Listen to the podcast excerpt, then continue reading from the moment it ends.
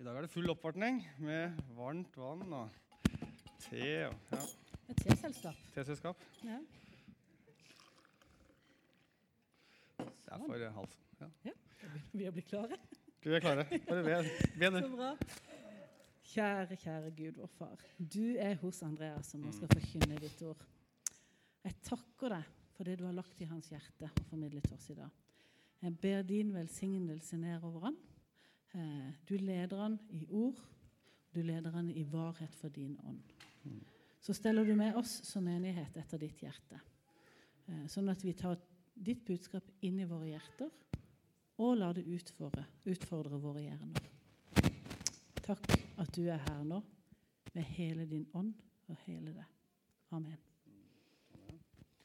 Takk for det. Er det jeg som bråker, eller er det noen andre? Eh, mitt navn er Andreas Magnus, og jeg er med i Eldsterådet her i menigheten. i lederskapet.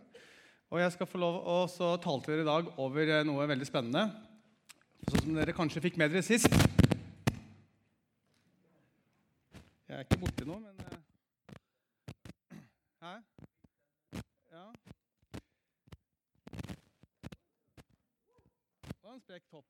Jeg snakker mens han eh, leter. Jeg. Hører dere, Er det noen lyd i det hele tatt? Ja. Eh, vi skal snakke om eh, bergprekenen hele denne høsten her, eh, og faktisk helt over til eh, i mars. Eh, vi har valgt ut eh, 14 tekstbiter fra bergprekenen som eh, vi skal gå løs på, så det blir ikke hvert eneste vers. Men i dag skal jeg prøve liksom å, å pakke inn, eh, eller pakke ut, denne fantastiske talen fra Jesus, sånn at vi skal få noen, noen smakebit på det. Og Jeg tror det kan bli en kjempespennende reise for oss som menighet. Eh, og jeg håper at dette skal eh, føre til refleksjon blant oss eh, om eh, hva vil det si å være en disippel? Hva vil det si å følge Jesus? Jeg håper det kan føre til mange gode diskusjoner, samtaler, i bibelgruppene, eh, i stillestundene du har med Jesus. Det var veldig forstyrrende. Jeg skal bare gå over til den her. Er det lyd da? Det var bedre. Woo! Ja. Fordi kanskje er det noe i ditt liv fortsatt Etter at du har vært kanskje kjent Jesus lenge, kanskje du ikke kjenner han i det hele tatt. Men kanskje det er noe i ditt liv som eh, Gud har lyst til å jobbe med. Eller kanskje det er noe i ditt liv som Gud vil gi deg, som du ikke har fått tak i ennå. Det håper jeg at denne høsten og denne våren skal være med på å legge til rette for at du kan få det. Større innsikt i Guds ord og større velsignelse i ditt eget liv. Så du kan være til velsignelse. Men Bergprekenen det er ikke noen sånn enkel tekst. Eh, det kan jeg skrive under på. Nå har jeg, badet med den teksten hele sommeren. Det er bokstavelig talt eh, i månedsvis. Jeg har lest tre fantastiske bøker som har ulike vinkler inn på den her. Og det begynner å skape engasjement hos meg. Fra å være litt sånn oh, dette var heftig, til yes, dette er jo sterkt. Og jeg håper at eh, du skal sitte igjen med det samme etter at du har hørt meg i dag, og ikke minst etter de uh, gudstjenestene som kommer utover høsten. Eh, mange synes bergprekenen er så heftig at opp gjennom historien så er det mange som har bare ferden til side at dette her kan vi ikke ta helt bokstavelig. Så, så, sterk er den. Eh, den er for de spesielt vellykkede kristne. Elitekristne, munkene og sånn i klosteret. Men vi skal se på hvorfor ikke dette er tilfellet. Så Jeg skal prøve å gi en sånn kontekst, en bakgrunn, en forståelse, så vi kan pakke ut det her og si hva eh, betyr dette for oss i dag, slik at det gir oss inspirasjon og håp og ikke bare fortvilelse og angst. Eh, litt om bakgrunnen. Vi finner bergprekenen i evangeliet som er tilskrevet eh, Matteus. Og eh, Det som er litt spesielt med det evangeliet, er at det sannsynligvis kanskje er skrevet på arameisk, som er det folkespråket som disiplene Jesus snakket i dagligtalen mest. De, kunne jo, de var multilinguale, de kunne snakke gresk og hebraisk, men de snakket nok mest arameisk. Og Mye tyder på at han har skrevet på det. Det ble skrevet i Antiokia, tror mange forskere. Det er altså hovedstaden i Syria på den tiden. Det var en stor kristen menighet. Men når vi ser på hvordan han skriver, så har han en enorm kjennskap til teksten. til Gammeltestamentet. Så det virker som at han, han prøver hele tiden å vise hvordan Jesus er eh, oppfyllelsen av de løftene. Han er den nye kongen på Davids eh, trone i Davids slekt. Eh, og han er på en måte Messias. Så det virker som Han skriver med tanke på jødekristne og overbevise de at Jesus er den lovede Messias. Eh, og eh, måten han har redigert sammen teksten sin, Matteus, viser også det samme. Han har delt opp de som, alt det som skjer i Jesus sitt liv, eh, splitter han opp med fem sånne store taler. Og Da skjønner du kanskje hva han tenker på. De fem Mosebokene i eh, Toraen, som jødene kjente så godt.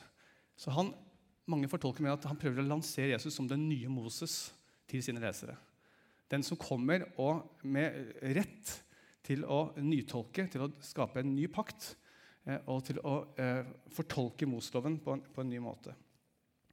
Eh, det er også andre paralleller til Moses som forsterker dette inntrykket. og det er at det, Begge to, når de blir født, blir forsøkt tatt livet av av en ugudelig hersker. Er, han, de prøver å drepe alle barna i Egypt, og de prøver å drepe alle barna i Betlehem-området. Og Jesus han flykter jo til Egypt og utvandrer fra Egypt igjen tilbake til Israel. Akkurat som Moses kommer ut av Egypt. Det er også mange profetier som, som sier at man skal gjøre. Og så er det en annen parallell også. Hva er det sant, Moses er med på før han går opp på fjellet og får Sinapakten? Jo, han er med på en utfrielsesaksjon ut fra Egypt med hele Israelsfolket. Og hva er det Jesus akkurat har gjort før han her går opp på berget og har sin bergprekenen? Jo, han er med og utfrir de syke, de lamme, eh, de som lider og har det vondt. Det er noen paralleller her som er veldig interessante å se på. Og Rabbiene på Jesus' sin tid de hevdet å sitte, sittet, at de satt på Moses' sin stol. som De uttrykte det. De sto i en suksesjon etter Moses, litt sånn som paven prøver å påstå i dag, at han står i en suksesjon etter eh, apostelen Peter, med myndighet. Og De, hadde, de fikk håndspåleggelse, rabbiene, av to andre rabbier. som De kunne spore tilbake til Moses, mente man. At de hadde autoritet til å tolke Moseloven. Men Jesus han setter seg over det her igjen. Han sier, 'Dere har hørt det sagt, men jeg sier dere.' Det er ikke bare, liksom, Han diskuterer ikke ulike tolkninger. Han kommer med sine egne ord i kraft av seg sjøl. Og det er noe helt unikt. Og Øyvind eh, Augland, som talte sist søndag, han pekte på hvor viktig dette var. Eh, fordi jødene de hadde jo kommet mange sånne tillegg. Mange egne tanker og forvanskninger og kompliseringer av, eh, av Moseloven. Eh, og så sier Jesus at eh, Egentlig det han sier, er at sier det, Gud ønsker, han ser til hjertet vårt. Han ser ikke på alle de ytre handlingene, at vi gjør alt riktig etter boka. Men hva er hjerteholdningen vår? Eh, dere kan ha en polert, fin overflate, men hva er det som rører seg under? Havet under den speilblanke overflaten. Der er det et stort dyp. Og hvem som, som bor der, det er Gud interessert i. Han vil ta våre steinhjerter og gjøre det til kjøtthjerter, som Esekiel sier. For det som er under her, det kommer til å boble opp uansett. Og det vil Gud ha tak i. Vi får jobbe på dypet, ikke bare på overflaten. Eh, og Øyvind viste også hvordan Jesus han var veldig tydelig på sin identitet.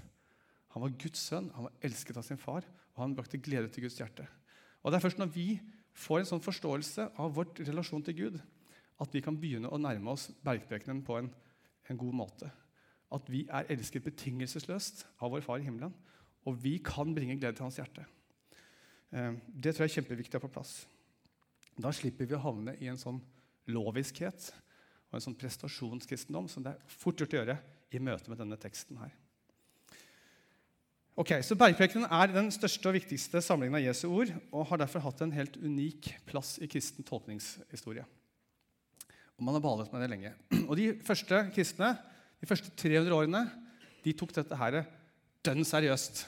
Veldig bokstavelig. De levde etter det. Og det bar jo enorme frukter. Det var en eksponentiell kirkevekst. Det finnes ikke noe likt i historien.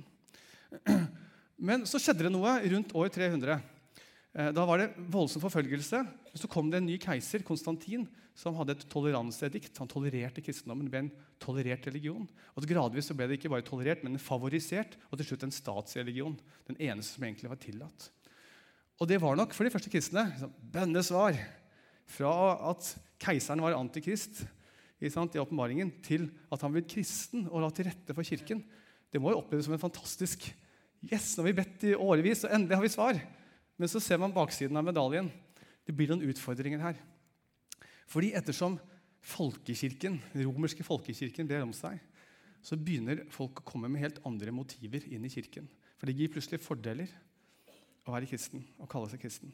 Og Det blir forventet at alle skal døpe barna sine. Eh, og man kan ikke lenger stille de samme kravene til livsførsel som man gjorde til de første kristne som omvendte seg. Og den Dåpsopplæringen den var noe helt annet enn det vi har i dag. Eh, de intervjuet til og med naboene for å sjekke om folk hadde forandret, forandret innstilling til livet etter at de var påstått å bli kristne. Det var nok også litt for å sile hvem som kom inn, for man var redd for angivere og folk som skulle ødelegge. Men nå ble dette veldig mye vanskeligere. Og, eh, og noen kristne reagerte på det her og trakk seg tilbake ut i ørkenen og ville leve som eremitter eller danne klostre. Og det var mye fint med det, men det skapte en sånn dilemma, fordi nå fikk du sånn A- og B-lag. Det er liksom de, de vanlige nominelle kristne som bare kom og døpte barna for alle andre gjorde det. Man kunne liksom ikke forvente å holde de til en sånn standard som Jesus hadde sagt i bergprekenen. Eh, mens de som er ute i ørkenen, de kunne kanskje få det til. Bortsett fra at det var jo ikke så mange fiender å elske i klosteret. For alle var jo enige med deg. stort sett. Eh, det var ikke så mange å snu det andre kinnet til. Eh, så du fikk jo ikke helt levd ut bergfekten der heller. Og, men heldigvis er det sånn opp gjennom kirkehistorien at når, når ting blir, liksom kommer litt ut på skeiven og, og klostrene ble jo etter hvert det som begynte med som en sånn måte å ta avstand fra materialisme og maktsyke eh, folk, det ble jo til egentlig en veldig sånn trygg havn. I en urolig verden så var man rik og trygg i klostrene. egentlig. Så skjer det sånn som ofte skjer, at det kommer vekkelser, det kommer korreksjoner. Og På 1200-tallet så fikk vi fransiskanerne og dominikanerne som ville ut av klostrene, inn i byene, ut til folket, for å tjene de som trengte det. De fattige, de syke. Så Vi fikk en sånn korreksjon der. Og man igjen kunne begynne å leve ut eh, Jesu bergpreken på nytt. Eh, men hvordan skal vi da, hvordan skal vi i dag, i Norge i 2019, forholde oss til bergprekenen? Eh, gjelder den i det hele tatt oss? Gjelder den oss? Dette var jo, Når Jesus sitter og holder bergprekenen, så snakker han først til disiplene. Og så er det liksom konsentriske sirkler utover med andre folk som lytter. Men han begynner å snakke til disiplene. Kan vi vite at den gjelder oss i dag? Ja, det kan vi. Fordi hva han sier, det siste han sier til disiplene før han forlater Og så er det eh, Ja. Vi kan ikke bortforklare det. Vi kan ikke på en måte ignorere eh, bergprekenen. Så hva gjør vi med det? Er det noen nøkler til hvordan vi kan forstå det her, sånn at det ikke blir fordømmende, at det ikke blir sånn umulig oppgave? Jeg tror det fins en nøkkel. Og det er å bli kjent med personen som uttaler disse ordene. Det er nøkkelen til bergprekenen. Vi må bli kjent med mannen bak ordene. Det er den eneste nøkkelen som funker. For de ordene som tilsynelatende er så harde Jeg skal komme inn på noen av de. Når vi blir kjent med personen, skjønner vi at det egentlig er kjærlighet. Det er ord talt i kjærlighet. Det er sanne ord. Det er ord som kan sette oss fri, og det er ord som kan helbrede oss og verden rundt oss. Og hvem er personen bak? Jo, det er jo den korsfestede Kristus. Det er han som ga seg selv for oss. Det er han som elsket syndere. Ikke kom i pekefingeren. han elsket synderne. Han gråt over Jerusalem. Han hadde medynk med eh, folkemengden, og han helbredet de syke, og han hadde tid til barna. Det er han som snakker disse ordene. Det er veldig viktig å huske på. Um, for da vi blir kjent med Jesus og skjønner hva han har gjort for oss, da blir det ikke tungt å følge hans bud. Da blir det til glede. Jeg regner alt som tap fordi det å kjenne Kristus, Jesus min Herre, er så mye mer verdt, sier Paulus til menigheten i Filippi. For hans skyld har jeg tapt alt, og alt jeg har tapt, regner jeg som verdiløst skrap, bare jeg kan vinne Kristus. Filipperne 3,8. Men det er klart at hvis du ikke kjenner Jesus, eh, og du kommer fram for ham med din stolthet og dine prestasjoner, så blir bergprekenen en uoppnåelig standard. Det blir det. Eh, og da kan det føles urettferdig. Hvorfor er Gud så streng? Hvorfor har han så høye standarder? Man kan bli irritert og sint. Eh, men det er jo er der nøkkelen ligger. For det står at Gud står den stolte imot, men den ydmyke gir han stor nåde. Det er 1. Peter 5, 5. Og De første kristne de hadde et uh, tilnavn. Uh, de ble jo kalt kristne, for det var jo en liten Kristus. de følte etter Kristus. Men de er også kalt for de som følger veien. Veien, det var liksom et sånn kodenavn for kristendommen. Og Jesus omtaler jo det å følge ham som å gå på den smale vei. Han sier til og med at 'jeg er veien, sannheten og livet'. Og For å komme på den smale vei da må du gjennom den trange port. Og hvem står i denne porten? Og Der står Jesus. 'Jeg er døren', sier han i Johannes 10,9. Og hva er det med denne trange porten? Hvis du skal gjennom den trange porten, da har du ikke plass til å bære med deg alle dine prestasjoner, dine store selvbilder og dine glansbilder. Da må du legge det fra deg, og så kommer du tomhendt inn til Jesus. Eh, da er vi i en posisjon til å ta imot fra han og til å leve eh, sånn som han har kalt oss til. Når vi legger ned vårt eget. Da blir vi himmelrike, som Bengt Pleier, den svenske presten, sier. Da, vi, da, får vi hans rikdom. Vi legger frem, det vårt egen rikdom, og så får vi mot fra han kraft til å leve slik. Med andre ord, det er de som føler seg fattige i seg sjøl. Det er de som skal arve jorden. Det er de som har tapt noe, som Paulus snakker om, som skal få trøst.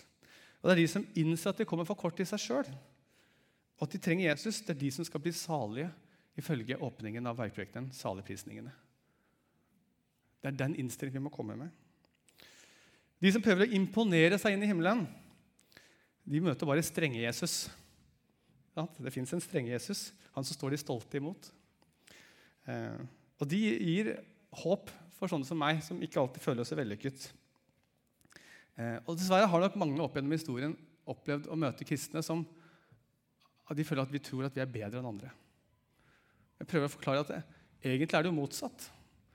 Det å være kristen det handler jo om å innse at jeg klarer det ikke sjøl. Jeg trenger desperat hjelp. Jeg trenger nåde fra Gud. Jeg kan ikke frelse meg sjøl. Det er jo det det betyr egentlig å være en kristen. Så la oss huske på det, venner. Eh, men likevel, alt dette tatt i betraktning, er ikke Jesu bud likevel så harde at de ekskluderer det store flertallet? For hvem klarer vel å snu det andre kinnet til? Hvem klarer å elske sine fiender? De fleste har jo nok med å elske de nærmeste og kjerringa til med. Ikke jeg, da. Jeg har sånn kjempesnill kone, så det går kjempeglatt. Men dere andre dere har sikkert masse utfordringer med deg. Men til det så svarer Dietrich Bonhoeffer, en av mine helter, presten som sto nazistene imot og måtte bøte med livet for det. Han sier Jesu bud er hardt. Det er umenneskelig hardt for den som stritter imot. Men Jesu bud er mildt og slett ikke tungt for den som er villig, som villig går inn under det. Eh, det som, og det sier jo eh, Jesus i Matteus 11, 28. Kom til meg, alle dere som strever og bærer tunge byrder, og jeg vil gi dere hvile. Så, ja, her det, 'Jeg vil videre i bilen', sto det her. Men det var, det var leser inn på Mac-en, er det ikke alt han skjønner hva jeg sier. Men han vil ikke videre i bilen, han vil gi oss hvile. Det var det som stod. Eh, Ta mitt åk på dere og lær meg, for jeg er mild og ydmyk av hjerte, og dere skal finne hvile for sjelen. For mitt åk er godt, og min byrde er lett, sier Jesus. Vi er nødt til å ha denne balansen her. Så hvis vi blir stresset av bergprekenen, så er det et eller annet vi ikke helt har skjønt. Men så er det dette med at Jesus Det er noe litt rart med bergprekenen. fordi det er veldig mye snakk om gode gjerninger i første kapittel, kapittel 5. Eh, og hvor viktig det er at vi gjør dem. Og Jesu bror Jakob han har jo en liten bok i Bibelen, Jakobs brev, og han var leder for menigheten i Jerusalem. Og Han sier jo enda mer om gjerninger i sitt brev. Så mye at Martin Luther den store reformaten, han ville jo hive hele Jakobs brev ut av Bibelen. Han ble så opprørt av det her. Fordi Martin Luther hadde skjønt noe med nåden. Han hadde skjønt hvor viktig nåden var, og han var så livredd for å gå glipp av det. og miste det igjen. Så han, han ville helst ikke ha med Jakobs brev. Men Jesus også snakker jo om gjerninger i denne teksten vår, som vi skal jobbe med dette halvåret her. Og vi må komme til rette med det. Og Jesus sier altså snakker om hvordan vi skal leve og reagere. og Han sier, begrunner med følgende utsagn.: Så verden kan se de gode gjerningene dere gjør, og prise deres far i himmelen. Det er kapittel 5, vers 16. Så ikke bare skal vi gjøre gode gjerninger, men de skal liksom synes også. Her er noe som skurrer. Hvordan henger dette i hop med nåden? Jo, det er her Bonhoffers kongstanke kommer inn. Det er det han brukte hele sitt liv på å advare mot. Og det er den, den billige nåden. Den billige nåden. Og Det er hovedsakelig to grøfter å gå i tror jeg, som kristne, og det er denne loviskheten. Sant? Vi skal liksom frelse oss sjøl med gode gjerninger. Og så er det den billige nåden. Og hva er den billige nåden? Jeg skal prøve å forklare det med, Nå siterer jeg min, min eh, helt her, Bonhoeffer. Den billige nåden det er nåde til nedsatt pris. Det er nåde som rettferdiggjør synden istedenfor synderen. Det er nåde som forhåndsgodkjenning av et gudløst liv som du ikke har til hensikt å endre på. Det er kanskje en sånn nådetenkning som eh, fikk min far bannlyst fra Borg bispedømme her. Som dere kanskje leste avisen de siste dagene. Eh, og I sitt svar til biskopen i Borg så bruker pappa siterer nettopp Bonhoeffer. Men ok, billig nåde det er den nåden vi viser oss selv. Det er den nåden som forkynner tilgivelse uten omvendelse. Det er dåp uten menighetstukt. Det er nattverd uten synsbekjennelse. Billig nåde er nåde uten etterfølgelse, uten kors og uten Jesus Kristus. Men dyr nåde, derimot, det er det som er idealet til Bonhoeffer. Den dyre nåden det er skatten som er skjult i åkeren, som Jesus snakker om i bergprekenen. Hvor man selger alt man eier, for å få tak i denne skatten. Eller det er den kostbare perlen som kjøpmannen er villig til å bytte alt mot for å få tak i. Og Det er Kristi kall som får disiplene til å forlate tollboder og garn for å følge Jesus. Det er den dyre nåden. Og Fremfor alt så er nåden dyr fordi den kostet Gud så mye. Den kostet hans sønns liv. Fordi det som er dyrebart for Gud, det må ikke bli billig for oss. At Gud ble menneske for å ta opp kampen mot alt det som ødelegger oss og gjør oss umenneskelige. Det er den dyre nåden. Og I møte med slik nåde så kaller Jesus oss til radikal etterfølgelse. Og da, da er det en etterfølgelse som skal synes. Den skal ha konsekvenser i livet vårt. Det blir naturlig. Men så kommer kapittel 6, og nå blir vi virkelig forvirret her. For hva er det den sier? Nå er budskapet virkelig å være helt motsatt. Nå skal vi plutselig skjule våre gode gjerninger. Nå skal ikke den høyre hånden vite hva den venstre hånden gir. Nå skal vi freshe oss opp, og når vi faster, så ikke noen kan se at vi driver og faster. Og når vi ber, så skal vi ikke trekke oppmerksomhet til oss sjøl. Vi skal gå inn i vårt lønnkammer og be der. Nå må Jesus bestemme seg. Skal det synes, skal det ikke synes? Det virker som det er en kontrast her. Spenning her. Og da er svaret på det, ifølge Bonhoffer, at uh, begge deler er sant. Selvfølgelig skal det synes for verden, det ikke synes, så er det ingen som blir påvirket av disse handlingene våre. Men samtidig skal det være usynlig for oss selv. Ja, Åssen henger det sammen? Jo, fordi Jesus han vet så inderlig godt at stolthet og egenrettferdighet det er vi gode på. Det kommer lett. Og Så fort vi går og evaluerer oss sjøl, klapper sjøl 'Nå var du god kristen. Andreas, dette var bra greier.' Så begynner vi å, liksom, å bli blærete og få en feil innstilling. Det er bare når vi har blikket festet på Mesteren og går etter Han, at vi kan leve liv som berører mennesker, uten at vi blir høye på oss sjøl. Kjempeviktig eh, sannhet, tror jeg. Eh. For Jesus sier Han kaller oss til et annerledes liv. Han sier dette er heftig. Dersom deres rettferdighet ikke langt overgår de skriftleides og fariseernes, kommer dere aldri inn i himmelriket. Kapittel 5, vers 20. Hæ? Et slikt liv er bare mulig når vi fester blikket på Jesus og ikke på oss sjøl. Og Det begynner med en erkjennelse at vi kan ikke gjøre noe som helst i vår egen kraft. Vi trenger oppstandelseslivet til Jesus på innsiden. Det handler ikke om ytre leveregler, det handler om en holdningsendring i hjertet. Det handler om å få eh, Guds perspektiv på verden, for hans kjærlighet til mennesker rundt oss. Det handler om å la Han forme oss i sin sønns bilde, som uh, sies i romerbrevet, og at Jesus vinner skikkelse i oss, sånn som han sier i Filippe-brevet. Eh, og Det handler ikke det er viktig, om perfeksjon. Det handler ikke om å ikke feile. For det gjør vi alle sammen. Det er jo det som er Luthers store 'samtidig synder og rettferdig'. Men det handler om å ha Jesus sinnelag, det handler om å gå korsets vei. Det handler om å være villig til å bære urett for Jesus skyld når det trengs. Du vet, Ordet disippel, Jeg har snakket om disippelskap før. jeg er veldig opptatt av det. Disippel betyr egentlig bare elev. Ordet, og ordet elev kommer av å elevere og løfte opp. Og hva er det Man skal løftes opp til? Jo, man skal løftes opp til mesterens standard. Derfor er man lærling. Man skal lære av mesteren og løftes opp til mesterens standard. Og Derfor så valgte rabbiene på Jesus tid de var veldig nøye med hvem de valgte ut. Ikke hvem som helst kunne bli disippel. De skulle ha noen som kunne bli like bra som en sjøl, helst enda bedre. Men hva er det Jesus gjorde? Hva gjorde vår mester? Jo, han gikk og plukket folk som ikke hadde fullført skolen. Dropouts. De som var null i eh, den tidens samfunn. Tollere, fiskere.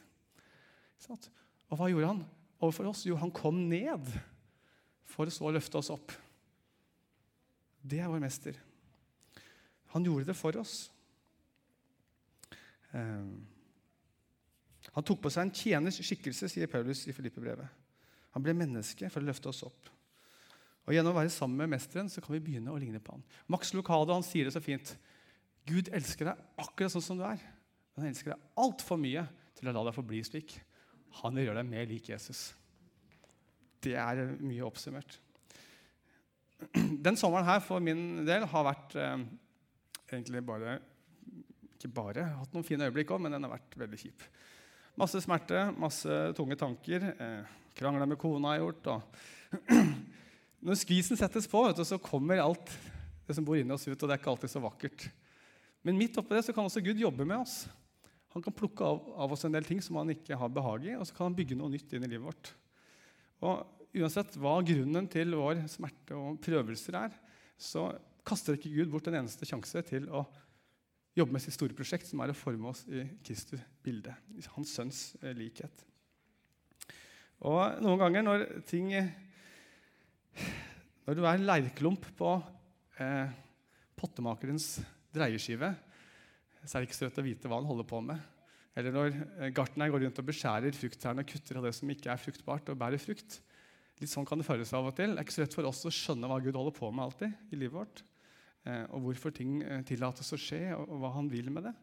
Men av og til når det er mørkt, så må vi bare holde fast på det Paulus sier eh, i Romerne 8,28. Alle ting tjener til det gode for de som elsker Gud. Så vi husker at Paulus han har alltid et evighetsperspektiv, sånn som pastoren fra eh, eh Hviterussland snakket om. Han har et evighetsperspektiv når han skriver. Det er ikke sikkert problemene våre blir borte liksom her, at det går over med det første. Kanskje ikke helt på denne siden av, av døden. Men det hindrer ikke at Gud kan bruke det sine godt midt i det vanskelige. Det er viktig å ta med seg. Men la oss gå eh, tilbake til bergprekenen og runde av. Fordi Bergprekenen forklarer Jesu kongerikets prinsipper. Jesus er jo kongen, den nye kongen på Davids tron som skal regjere til evig tid. Men hans kongerike er helt annerledes enn andre kongeriker. Det fins ikke noe sånn kongerike på jorden. Vi kjenner ikke igjen i noen kulturer eller i noen styresett. Og jeg tror en del av Disiplene de ble litt sånn, de hadde nok håpet på litt pomp, prakt og litt makt og myndighet. Og Tordensønner de ville kalle ned lyn og torden over, eh, over de landsbyene som ikke tok imot dem, men det var ikke Jesus' metode. Jeg tror også Judas, som var med i Selot-partiet, opprørspartiet, han var nok også litt skuffa på ikke om vi skal få kaste romerne på havet her. Men eh, det var ikke Jesu vei. Um, Jesus hadde en annen agenda. Hans rike var ikke av denne verden, sa han til Platus. Um, hans rike var å overvinne det onde med det gode. Vi skal tilgi. Vi skal snu det andre kinnet til. Vi skal være kjærlighet med hud på, som noen har uttrykt det. Vi skal tale sant, skal, og den minste skal være den største blant oss. På mange måter et slags bakvendt land, som vi synger om på barneskolen. Men et, et vakkert bakvendt land. Der ting er annerledes enn det vi kjenner. Men Jesu forkynnelse sto jo ikke helt an da, blant flertallet. Det var noen som heia på han, men det, var, det endte jo ikke så godt i gåseøynene. Eh, og når folk skulle velge mellom Jesus Kristus, Guds sønn, og Jesus Barabbas Bar-Abbas betyr sønn av far, en jordisk far. Så valgte de Barabbas. Sette Barabbas fri. La Jesus bli korsfestet. De valgte den voldelige opprøreren framfor den ikke-voldelige frelseren. Det er spørsmålet til oss hva velger vi? Eh, velger vi å gå i egen kraft, kreve vår rett, eh, gå til opprør, svare med samme mynt, ty til vold? Eller velger vi, som Jesus sier, å legge ned vårt eget og snu det andre kinnet til? Og tilgi og møte det onde med det gode? Det er kun da vi kan overvinne ondskapen på virkelig med makt kan vi bare holde det nede en stund, og så spretter det opp igjen. Vi møter ondskapen med godhet. Først da eh, setter vi den ut av spill, sier Bonhoeffer. Martin Luther King han skjønte noe om det. Han vant fram i borgerrettskampen, men ikke voldskamp. Til slutt, Jesus avslutter bergprekenen på en alvorlig note. Jeg var litt usikker på om jeg turte å ha med det her, men jeg tror vi skal ikke sensurere Jesus. Selv om han sikkert hadde blitt sensurert i en del kirker i Norge i dag. Eh, men der står det, han sier at 'Herre, Herre, vi profeterte, vi kastet ut demoner, vi gjorde mektige gjerninger i ditt navn.' Så skal han si, 'Jeg har aldri kjent dere. Bort fra meg, dere som gjør urett.' Matteus 7, 23. What? Dette er heftig. Eh, men han sier det, og hva kan vi lære av det? Jo, for det første at det vi holder på med, det kan se helt riktig ut på overflaten. Men så kan det være helt feil. Og Vi sier 'Herre, Herre' om Jesus, men i neste øyeblikk så leker vi Herre eget liv sjøl og gjør det vi egentlig sjøl syns er riktig. Og som, jeg tror det som opprører Jesus i dette eksempelet med disse mirakelpredikantene, her, det er at de bruker den kraften de har fått av ham, til å framheve, framheve seg sjøl. Og Når Jesus gir oss utrustning, når han gir oss salvelse, så er det for å tjene andre, ikke bygge vårt eget rike, ikke uh, mele vår egen kake. Og Når vi tar imot kraft fra Gud, for det gir han ut til oss, men vi ikke er jordet til korset, så gir vi folk støt istedenfor å løfte dem opp. Kommer vi ovenfra ned, så hjelper vi ingen. Det må vi ta med oss. Og For det andre så lærer det oss at uh, du må kjenne Jesus. Det er nøkkelen til bergprekenen. Kjenner vi ikke han, så kan vi verken leve ut hans bud, vi kan ikke ære hans far i himmelen, og vi kan ikke satse på en evighet med han. Du må kjenne Jesus, og kjenne, Jesus erkjenner bare de som han er frelser for. Måten vi blir kjent med Jesus, det er når vi åpner hele vårt liv og kommer til ham med alle svakhetene våre, alle hemmelighetene våre. Da kan han komme inn og gi liv og bli kjent med oss. For alle mennesker vi har et hemmelig liv. Og det er det livet vi lever når ingen ser oss. Spørsmålet er hva bygger dette livet på? Hvis det livet spriker fra den fasaden du har utad, så vil det etter hvert bli en spenning, og så vil du bli avslørt som en hykler til slutt. Men dersom vi bygger vårt hemmelige liv på klippen Jesus, sånn som denne fornuftige mannen i historien, som bygger huset på fjell, da vil du tåle stormene, for stormene kommer til å komme. folkens. Da vil du tåle de stormene. Eh, og hvem gir du plass til i ditt hemmelige liv? Er det Jesus som får dominere der, eller er det ting som du ikke vil at andre skal vite om? Det er litt alvorlig. Det er når vi slipper Jesus inn i alle krokene av livet vårt, at vi kan bli kjent med han, og han kan bli kjent med oss. Og Først da kan vi begynne å leve dette livet som han forteller om i bergprekenen. Det er veien til frihet, det er veien til liv. At vi begynner å leve som hans disippel. La oss be. Takk, Jesus, at når du så at ikke vi klarte å leve slik du ønsket, så kom du ned og oppfylte loven for oss. Ikke for at vi skulle fortsette å være slaver av synden, men fordi at eh, vi skulle kunne bli gjenopprettet til å bli det vi var tenkt å være avbilder av deg, Herre. Skapt i din likhet. Men dette er ikke noe vi klarer i egen kraft, Jesus. Far i himmelen, må du hjelpe oss å slippe deg til på stadig flere områder i livet vårt, slik at vi kan begynne å ligne mer på deg.